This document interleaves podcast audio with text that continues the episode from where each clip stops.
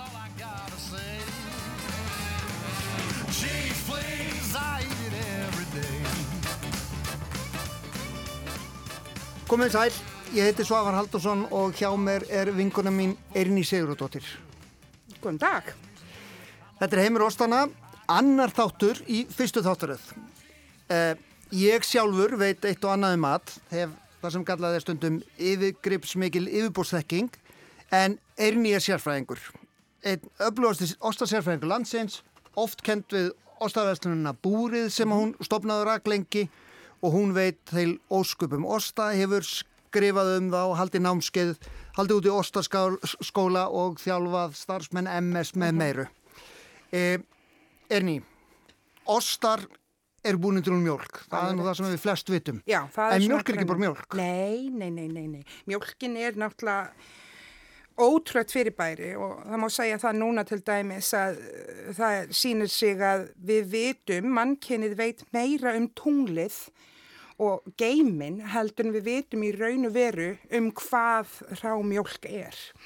Um, svo að það er mjög mikil vísindi þarna sem eru algjörlega hvað ég maður að segja, leindardómsfull og gerir þetta þar alveg mjög æsispennandi viðfangsefni. Um, svona í einfaldasta formi þegar við tölum um mjólk þá varum við að muna það að 70% og meira það fer eftir tegundum dýra en 70 til 80% af þessari mjólk er náttúrulega vatn. Svo að það er ekki nema þessi hinn 20-25% sem að setja eftir í mjólkinni sem eru prótín, sigrur, fytur og þarna heil flóra af dásamlum gerlum sem að við nýtum okkur. Og þegar við erum í raun og veru að búa til ost, þá er það þetta sem við erum að reyna að gera. Við erum að reyna að skilja vatslutfall uh, í mismundi prósentu til þess að hafa mismundi rakast í ostum og skilja eftir þessi dásenda prótín og fytur og svo framvegs. Og eins og ég segi, mjólkin, náttúrulega fyrst og fremst, við hugsaum um þetta, er þetta kind, er þetta kú, geit, kaplamjólk, Og hrisum. Hrissum akkurat, eh, erum við að fara að fá okkur uksa, úlvalda, dýrasti ostur í heimi er búin til úr tegund af hvítum astna sem er í útrymmingarhættu. Ég held að hann sé sko þúsund efurur, hundragrömmin Já. í dag. Svo að þarna, það er náttúrulega dýrið og tegund dýrsins skipti máli. Svo er náttúrulega annað og það er náttúrulega í raun og veru, hvað er mjólk? Mjólkin er í raun og veru bara beintenging við móðun átturu og þá náttúrulega kemur inn í þetta umhverfið, landslag, gróðurfar, hvað er skeppnan að neyta sem hefur áhrif á mjólkina og umbreytirinni.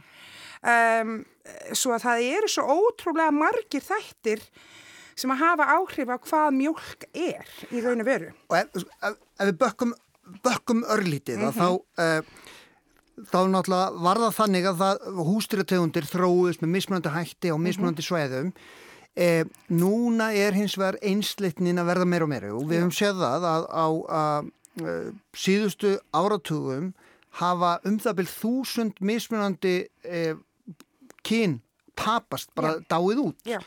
og, og um, sem er mjög sorglegt af því að hverju einasta hústrekkinni fylgdu sérstakir ostar, sérstök menning og svo framvegis. Já. Við erum svo heppin á Íslandi að, að hafa náða að halda í okkar. Já. Við eigum ennþá landnámskynnin. Já. Uh, en það er eitthvað sem að uh, já, meðal annars skiptir máli en svo eins og segir, umhverfið líka uh, til að mynda uh, Reggiano Parmigiano hann kemur af, úr mjölk af sérstöku kókinni Vakkarosso, já. Já, en það skiptir líka máli hvað dýrin geta Mhm. Og það er mjög strangt í staðlinum hvað þau mega, mega geta. Hvað fóðurinn má vera, Já. til dæmis og ekki tsúrhei til dæmis. Nei, akkurat, akkurat. Og, og allt umhverju skiptir Já. máli í þessu. Það er nefnilega málið, þetta er svona pínta eins og ég segi alltaf engir tveir geta búið til sama ost í heiminum, alveg eins og engar tvær ömmur geta búið til sama hrísgrunargraut. Þú veist, breytileikin er svo ótrúlega mikill að, að þetta er ekki hægt og, og, og, og hérna, til dæmis bara á Íslandi því við minnumst á þetta erum við með landnámskyn og, og, og við erum með til dæmis stolti merkilega mjólk og það eru spurningar um íslensku mjólkina þú veist hvaðan hún er uppbrunnin því að þarna, hvaðan íslenska kursan er uppbrunnin og það er mikið verið að horfa til Fraklands núna til að halda að- kynið hafi kannski uppalega komið þaðan en hún sýnir okkur það að efnasamsetting og, og prótínsamsending íslensku mjölkarnar er allt, allt önnur en öll nágrannlöndin í kringum okkur. Já, sem er alveg magnað. Já, og þar að leiðandi náttúrulega hefur það, segir það sér sjálft að osta hvernig sem að vísindin eða nútíminn reynir að staðla mjölk og staðla osti, þá er það ekki hægt. Nei. Við getum ekki heiða þessa bara, og það er fegurðin, Já, að við getum ekki staðlað. Móðin áttur er sterkari. Já, við erum sko, við erum hér með, með, með þessi þrjú landnámskinn, mm við, við höfum kýrnar okkar. Já. og við höfum, höfum uh, geitina, Geitina. og við höfum uh, íslenska söðfjör Já. og rauninni kannski fórustu fjör líka.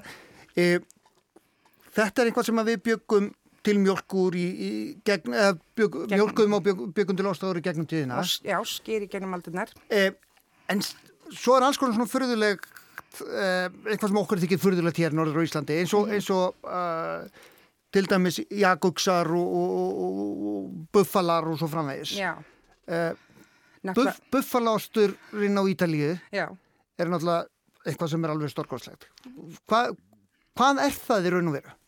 Ég meina um leið og náttúrulega eins og ég segi þetta samstarf milli mannsins og skeppnunar, ég meina um leið og þú gast fengið afurð úr skeppnunni hvaða skeppna sem það var ef það var spendýr og hún framleiti mjölk þá náttúrulega auðvita þurfturu einhvern veginn að taka þetta landbúnaða verðmæti sem mjölkin var og umbreyta því í vöru sem gætt geimst.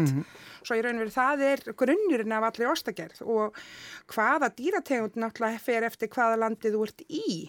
Uh, í heitari uh, suðrætni, og, og svona- ekki suðrætni en svona í heitari löndum auðvitað þá erum við að horfa á miklu meiri geitamjólk, miklu meiri kindamjólk, svo svona í norðar sem við förum þá förum við að sjá meiri notkun á, á kúamjólk. Já, já. Svo að þú veist, það er náttúrulega skiptir líka máli uh, hvar þú ert í heiminum og, og hvernig, uh, hvernig mjólkin þroskaðist í hvaða tegund af ostum því að náttúrulega það segir sér sjálft að í heitari löndum þá þurfti náttúrulega að huga meira af ostum sem að voru þurrari, minni rakaprósenta því að það myndi bara skemmast í mm -hmm. vats innihald. Meðan hérna í norður hluta veraldrar þá gotu verið í raun og veru rakari ostar og, og, og, og, hérna, ostar sem að geimdust kannski stittir tíma því að það var kaldara. En já, eins og segi, það, það, mjólkin aftur, hún er þessi, guð, þetta var þessi dásamlegu veigar sem við gátum nýtt okkur til þess að búa til verðmæti úr. Og svo náttúrulega hennar ferðalagi í gegnum árin tekur svo rosalegu stökkbreytingum. Og ég segi alltaf að þetta var einu sinni hvíti gullni nektarinn eh, og svo hægt og rólega var þetta að hvíta eitrinu uh, þegar við förum að sjá uh, frá 1800 til 1900 þegar við förum að sjá fólksflutninga og þessi hefðbundna bænda lífverðni breytast.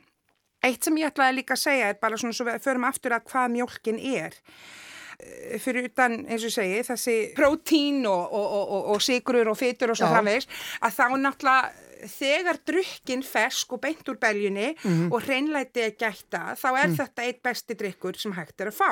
Já, og nú, og nú, er, nú er sko heil hreyfing í veröldinni uh, svo kvöldur hrámjólkur hreyfing en, en við hins vegar allan að hérna og mjög víða erum að drekka gerisnittamjólk og borða ostáður gerisnittamjólk. Já, því að náttúrulega um leið og þetta fór úr því að vera smábúskapur sem var í raun og veru mjólk fyrir nokkra aðila í það að vera yðnvæðing og stór, stórframleysla. Það náttúrulega auðvitað jógst hættan og hvita eitrið verður til. Uh, um leið og fólksflutningar í borgir áttu sér stað og fólk áttu ekki skeppnur til þess að mjólka, þá að byrjað að flytja skeppnur inn í borgirnar -hmm. Fylgdu með náttúrulega saur og skítur og allt sem því eh, við kom. Mm -hmm. uh, Sú mjólk var oft seld á götum úti, mm -hmm. þynt með vatni og jafnvel svo hrætt kveiti úti til þess að hún liti út fyrir að vera hvítari. Já, já. Og þetta náttúrulega hafði áhrif á það að, að margir dóu úr, úr þessari mjólk. Já, já, já. Um, svo að, að, að segja sl- sem sjálf er hættuleg, það er náttúrulega ekki rétt. En hvað var gert í ferlinu og geimsluþól og, og hreinlæti í kringum mjólkina náttúrulega gat gert þetta mjög og enn þann dag í dag getur gert þetta að hættulegum hlut. Já. Hins vegar, ef rétt er staðið að, þá er þetta á sama tíma hrámjólk, má segja, getur líka verið örugari en gerisnett mjólk. Þegar þú gerisnett mjólk þá ertu í raun og veru að drepa grunnráfnið, þú ert að drepa alla örverur, alla gerla og svo ert að setja þá gerla í sem hendar þér til þess að framlega þann ost eða þá vöru sem þú Akkurat, vilt. Ok, svo ertu í raun og veru að taka þetta alveg aftur að nulli og bæta svo í. Um, Og í stórframlegslu, ef gert er rétt, þá er þetta náttúrulega mjög örugleið, en eins og við hefum séð uh, á síðustu árum að meirsa stórframlegendur hafa eitrað fyrir mörg hundruð og jafnvel þúsund manns þegar staðið er Já, já, vittlust að það, þessu. það geta orðið slis, Já, því miður. en svo er náttúrulega núna, eins og ég sagði áðan, að það er svo lítið vitað um mjólkina. Nú er að koma í ljós meir og meir að þetta svona í þessari náttúru ostagerðarhefingu uh, og hrámjólkurhefingu, að það er að koma í ljós að sko mjólkin inniheldur svo marga st- svona hvað ég maður að segja, verður að gerla hrámjólkin nú já, þegar í já, sér já. sem gerir það að verkum að hlutir eins og listri og andri, önnur gerlaflóra sem er neikvæð fyrir okkur Mhm. þrýfst ekki ef var skilirðin eru rétt. Svo má næstu í segja það að hrámjólk á margan hátt er örugari en gerlisnita mjólkin. Já. Og svo, Svo að- og svo er mjög merkilegt í þessu að, að rannsóknir hafa líka sínt til dæmis að, að þegar uh, er verið að færa ostafræmnarsluna úr gömlu tre ílátunum sem Já. voru notuð yfir í, yfir í stál ílát, Já. þá er einhvað sem að tapast Já. og, og það, er, er meiri hætta á svona vondum sýkingum uh, þar, Já. ekoli og svo framvegis, í döðurhreinsaða stálinu Já. heldur en í gömlu uh, trétununum. Já, þau síndu þetta náttúrulega, hún margir kannski þekkja til ef þeir hafa áhuga ost, þá er náttúrulega þetta byrjar sem, þetta var fr mjög fræg frönsk uh, vísindakona sem var að berjast fyrir rétt ost sem heitir Salers. Já, og, akkurat. og þe- þeirra viður vist en svo líka ostanunnan í bandaríkjónum hún hefur orðið mjög fræg og margir þættir hafa verið með henni og hún er uh, örverufræðingur og hún bara síndi þetta bara með, bara þau tóku til raun, settu hráamjólk í stál, settu hráamjólk í viðarílátið sem að hún var búin að vera að nota til margra ára í ostagerðina E. coli, listeria fór allt upp á við að það helst eins í stálinu meðan í viðnum sjálfum var komin upp svo sterk bæði uh, mjölkusýrigerlar og jafnvel gersveppir uh, sem sagt þarna Sakkur og Mæsisfjölskyldan sem að hjælt í rauninu veru sem að lækkaði tölfræðina á öllum þessum neikvæðum bakterjum. En já, eitt sem að ég vildi líka bara bæta við, bara talandi um að því verðum að fara svo að ræða meira um osta og fara frá mjólkinni. Þú getur ekki búið til góðan ost nema grunnhráfnið, mjólkin, sé besti gæðaflokkur sem til er. Besta fóðurum skeppnunar, gerir bestu mjólkina og, og í raun og veru líka velferð dýrsins gefur góða mjólk og magna mjólk. Og bara svona sem dæmum þetta, frakkar sem eru til dæmis ekki mikið fyrir að gerðslega sína osta, um, þeir hafa í raun og veru, já, ekki gerðsneitt sína osta til margra ára og þykir engin hætta að. En svo í löndum eins og til dæmis bandaríkjunum, það sem að þeir gera það er að svo mjólk sem fellur ekki undir uh, helbriðiskröfur til þess að vera sett á markað, sem bara gerðsneitt drikkjamjólk, hún er skráð sem sko food grade eða svona í raun og veru framleiðslumjólk og það er hún sem er senda af stað í ostaframleiðslu. Já. Þetta bara sýnir gjörsamlega ranga hugsun í, í, í, gæði hráfninsins og enda það, þar að leiti þarf náttúrulega alveg að döð sóttreinsana til þess að hún verði eitthvað ætt enda. Já.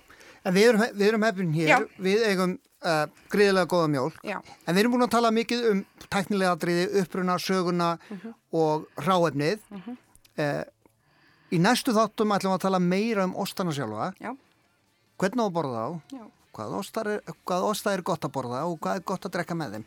Við uh, hverjum um bíli en hittum ykkur fljótt aftur.